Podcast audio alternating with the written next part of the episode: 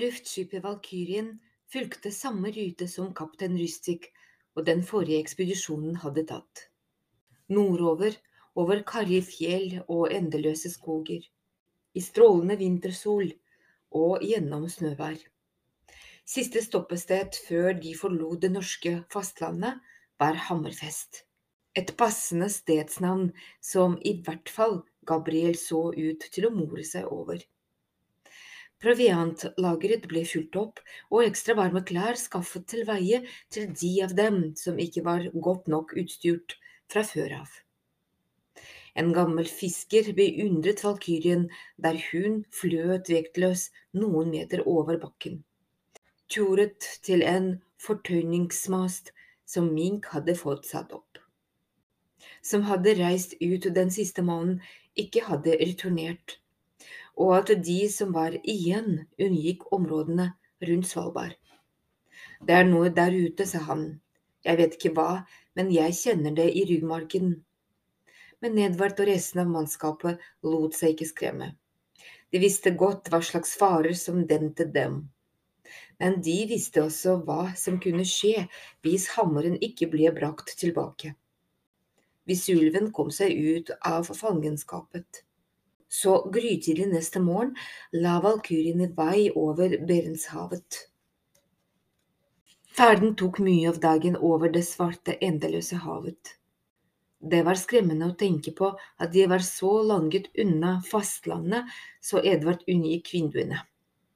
Han prøvde å holde humøret oppe ved å prate med de andre om helt andre ting enn ulver og guder. Ingen var særlig interessert i å prate. De satt i stillhet i sine egne tunge tanker. Men allikevel gikk dagen ganske raskt. Snøværet hadde økt kraftig etter hvert som de nærmet seg Spitsbergen, den største av øyene som utgjorde Svalbard. Tett snøfall gjorde sikten fra Bergen dårlig, og kaptein Rustvik manøvrerte med en blanding av erfaring og flaks, og et uunnværlig kompass men til slutt dukket de hvite øynene opp under dem. Vi er over ishjulet nå, ropte kapteinen bakover til de andre. Vi skal lande i minningen til en av fjordarmene. Det er en fast stasjon der som heter Bjørnekloa. Tross det kjølige styrhuset la Edvard merke til at professor Wolf svettet, fulgte rynkene ned til øyekrokkene. Serpionov satt med armene krysset nesten litt for hardt, men granittansiktet hans avslørte ingen frykt. Edvard hadde aldri sett noen med mer følelsesløse øyne. Det var som om russeren hadde så mange hemmeligheter i hodet at han var redd de kunne leses i øynene hans. Kun Gabriel så ut til å more seg over at de danset med vindkastene. Kanskje det minnet han om stormfulle netter på sjøen. Han var uansett en mann som likte seg på kanten av stupet. Edvard kjente seg med ett roligere, som om farens fruktløshet smittet over på ham. Eller kanskje de utallige farene Edvard hadde overlevd de siste årene, hadde gjort han modigere. Han kikket bort på Alma, som sto og stirret ut av vinduet. Det var vanskelig å tro at hun kunne se noe annet enn svart hav der nede. Men hun frydet seg over utsikten, og det minnet Edvard om den Alma han først var blitt kjent med to år tidligere. For hun var forandret nå. Livet som trolljeger hadde gjort henne sliten. Det var noe hardt og kaldt i stemmen hennes, noe som aldri hadde vært der tidligere. Også på Svalbard hadde Mink fått reist en fortøyningsmast, og ved forrige ankomst hadde menn fra fangststasjonen hjulpet dem å fortøye. Men nå var det ingen som ventet dem. Kaptein manøvrerte skipet lavere og sinket farten. Det var ingen lys å skimte fra stasjonen. Ingen kom dem i møte som i Jotneseter. De måtte klare dette selv, da de var noen meter over bakken, åpnet svartskjortene døren. De klatret ned stigen med rep over skuldrene og hoppet ned i snøen.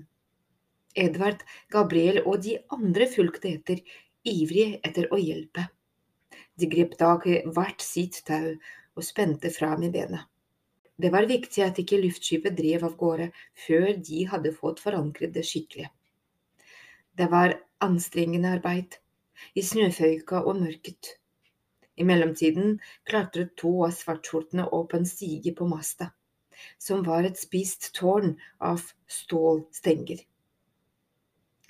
Ved hjelp av lange kroker fikk de tak i fortøyningstau som var spent rundt selve ballongen på luftskipet. Disse ble igjen festet til noen slags sveivemekanismer på masten, og med sterke armer trakk de luftskipet inn til masten. Tauene som Edvard og de andre holdt, ble bundet til påler som ble hamret ned til snøen. Edvard priset seg lykkelig over at luftskipet bare var en miniatyr, eller skulle aldri så få menn ha klart å fortøye det. Da valkyrien omsider var forsvarlig sikret, gikk det opp for Edvard hvor kaldt det faktisk var. Det svet i neseborene da han trakk pusten. Han myste ville øynene fryse til is hvis han ikke blunket ofte nok. Det føltes i hvert fall sånn ut. De var omringet av mørket, som et svart bakteppe for de store snøflakene som vavet ned rundt dem. Flakene la seg tungt på hetta Edvard hadde trykket over hodet. Han speidet tilbake oppover fjordarmen de akkurat hadde fulgt. Isen lå tykt på vannet, og steile dalsider skjøt opp på hver side av fjorden. Ved enden av fjorden, et stykke fra der hvor de hadde landet, kunne han skimte lave trehus gjennom snøføyka. De sto så tett at de minnet om dyr som klynget seg sammen i ly for kulda. Men det var ingen lys i vinduene, ingen tegn til liv. Det var riktignok kveld, men på denne tiden av året var det mørkt nesten hele døgnet hadde Rystik fortalt. Det tette snøværet fikk vel uansett beboerne til å holde seg i hus, og de hadde nok ikke sett det nattsvarte luftskipet der det gled lydløst innover fjorden. Men allikevel, fangststasjonen Bjørnekloa virket forlatt. Professor Wolf og Serpionov kom opp på siden av han. Serpionov var med et veldig russisk i tykk bjørneskinnfrakk og pelslue. Han så ut til å være i sitt rette element. Han trakk inn den kalde luften som om den var eksklusiv sigarrøyk. Professoren derimot så som vanlig keitete ut med en gang han hadde på andre klær enn sin sedvanlige dress og frakk. Polarantrekket hank tungt over de lange og tynne lemmene hans. Ingen velkomstkomité, mumlet han tørt. Kaptein Rustvik klatret ned fra valkyrien bak dem. Det var i hvert fall ti fangstfolk her sist vi besøkte Bjørnekloa, sa hun. Edvard snudde seg og så et bekymret glimt i øynene hennes. Kapteinen henvendte seg til svartskjortene. Bli her ved skipet, vi andre får se om vi finner noen tegn til liv. Jeg vet ikke hva vi kan vente oss, så holdt våpnene deres parate, ingen lykter. Kapteinen trakk tomahawken opp av beltet. Hun hadde dratt en tykk hette over hodet, og det kastanjerøde håret som stakk ut, virket fargeløst i mørket. I ytterste stillhet ledet hun Edvard over den snødekte sletta mot B-byggeplassen. Vinden pisket snøen opp rundt dem og kamuflerte dem enda bedre. Edvard forestilte seg at de var indianerne på vei til å overfalle øde fot. Men det var kanskje tomahawken til kapteinen som manet fram bildene fra det ville Vesten. Her var det bare stillhet, dødt, som om noen allerede hadde overfalt dem. Fangststasjonen var bare en liten klynge med høyter. Skrøpelige konstruksjoner satt opp av pelsjegere og fangstfolk som gjerne overvintret her. Kaptein Rustvik forsvant rundt hjørnet på det første huset. Da Edvard tok henne igjen, gikk det et støkk gjennom han. Flere av hyttene hadde vidåpne dører. Midt på vinteren. På Svalbard. Dette er helt feil. Kaptein Rustvik hadde tydeligvis fått øye på noe annet. I en falleferdig innhenging ved siden av et av husene. Hun sprang bort. Gud! Utbrøt hun. Edvard løp opp på siden av henne, og i et knapt sekund tok han innover seg det makabre synet, før han snudde seg vekk i avsky. Det var trekkhunder, ulvehunder, så det ut som, seks stykker. De var døde alle sammen. En av hundene hadde dødd med tennene rundt strupen på en annen. Isblå, livløse øyne stirret mot dem. Nysnøen hadde dekket det meste av blodet. Professor Wolff kom til og satte seg på huk. Det ser ut til å ha drept hverandre, utbrøt han forferdet. Jeg har aldri sett noe lignende.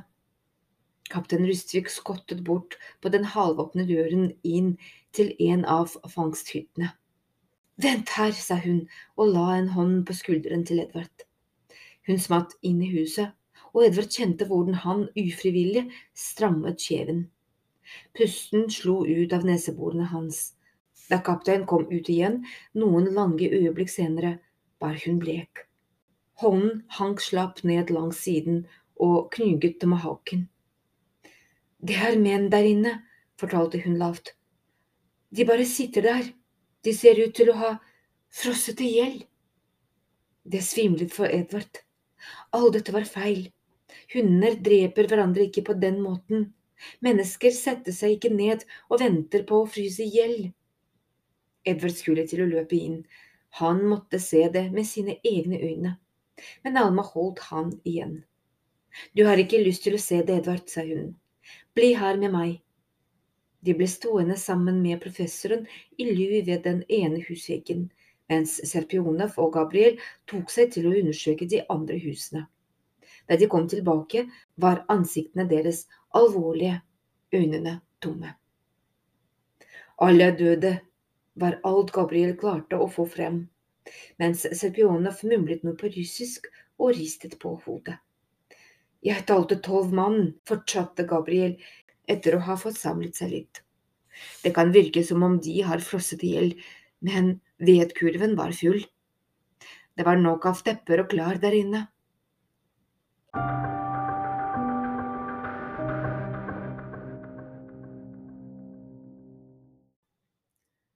Hva kan ha skjedd, kom det fra professoren. Hva kan få tolv mennesker til å bestemme seg for å dø på den måten? Eller kanskje riktigere, begynte kapteinen, hvem kan få mennesker til å gjøre ting mot sin egen vilje? De visste alle svaret.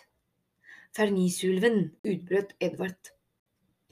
I det samme kjente han et trykk mot baksiden av øynene. Drep dem! hvisket en stemme i hodet hans. Edvard tok seg til tiingen. Det dunket smertefullt. Det var som om hodet hans var fullt av glødende væske som endret hver tanke hver følelse. Giftig, etsende. Han kjente hvordan nevene knyttet seg og tennene skar mot hverandre. Edvard, går det bra? Alma la en hånd på skulderen hans og sendte han et bekymret blikk. Edvard så på henne gjennom et slør av blod. Han slo vekk hånden hennes, overrasket over sin egen reaksjon. Ikke ta på meg, hviste han. Han hatet henne. Hvorfor hatet han henne? Hva går det med meg? Tankene svirret, han så bilder av død og forferdelse, kjente følelsen av raseri, hat og en trang til å drepe dem alle. Det var som et mareritt. I det samme kjentes det som om skulderen og armen hans levde sitt eget liv.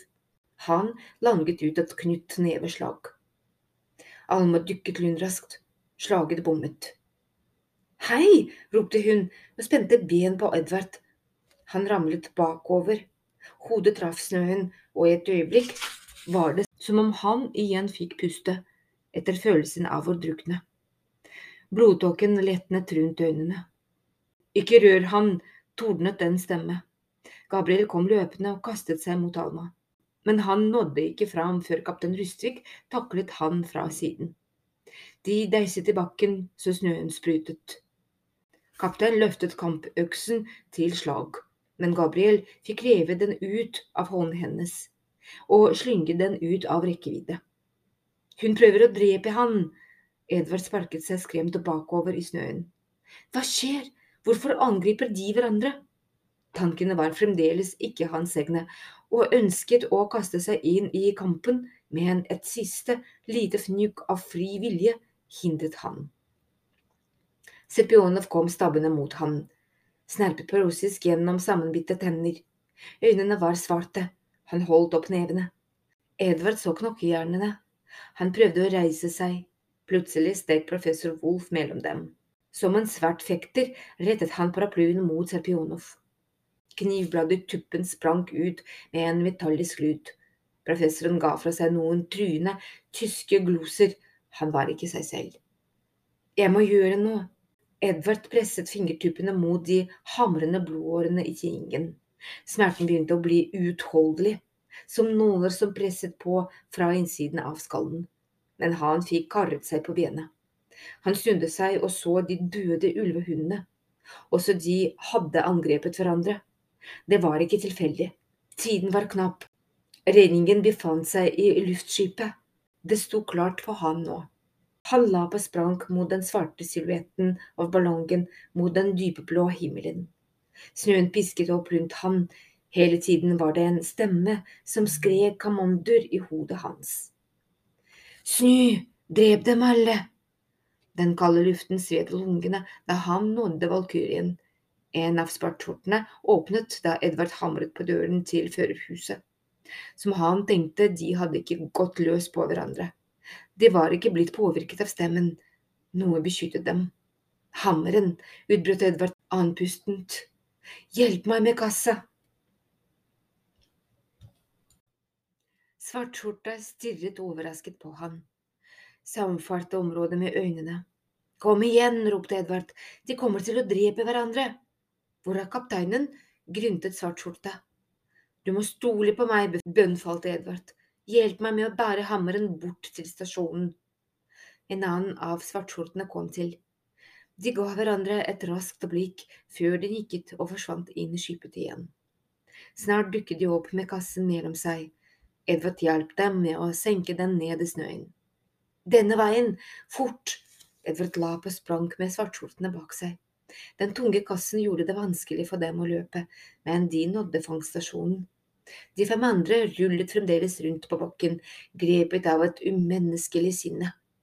Kampen var uoversiktlig, alle mot alle.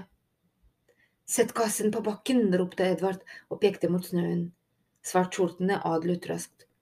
Edvard bøyde seg fram og smelte opp lokket.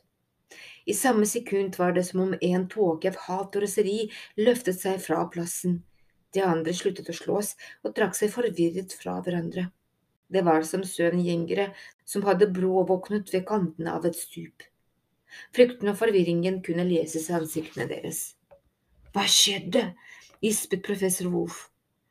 Jakkekroven hans hadde revnet, og brillene hang skjevt på nesen. Gabriel spyttet blod. Han fått seg en skikkelig kilevink. Jeg kjente et voldsomt hat, sinne, kaptein Rustvig ispyttet etter luft. Det var som om en stemme kommanderte meg. Hammeren reddet oss, sa Edvard. Fenrisulven kan kontrollere mennesker, som han gjorde med gruvearbeiderne, og disse fangstfolkene som åpnet dørene på vidt gap og frøs i hjel. Selv trekkhundene har han tvunget til å angripe hverandre. Alma lente seg på knærne, håret var mer bustete enn vanlig. Det dronning Tuve sa, gispet hun, om at hammeren ville beskytte oss, Edvard nikket. Jeg tenkte at hammerens kraft var sterk nok til å bekjempe ulvens kontroll. Da jeg så at svartskjortene ikke hadde da jeg så at svartskjortene ikke hadde røket i tottene på hverandre, visste jeg at det stemte. Så da har det begynt, sa professoren. Fernisulven vil gjøre alt i hans makt for å stoppe oss. Kaptein Rustvik nikket. Vi må holde oss samlet, sa hun. Hun fant mahaken i snøen og stakk den i beltet. Ingen går mer enn noen meter vekk fra hverandre, og hammeren. Målbevisst skrittet Alma bort til en hundeslede som sto inntil en av husveggene. Hun løsnet seletøyet og tok det med bort til kassen med hammeren. Fra nå av tar vi med oss hammeren hvor enn vi drar, sa hun og trakk på seg beskyttelseshanskene. Deretter bandt hun begge endene av seletøyet til hammerskaftet som en slynge. Så hengte hun selen på tvers over brystet, så hammeren ble hengende på ryggen. Hun så ut som en viking klar til strid. Vi lar oss ikke skremme, sa hun.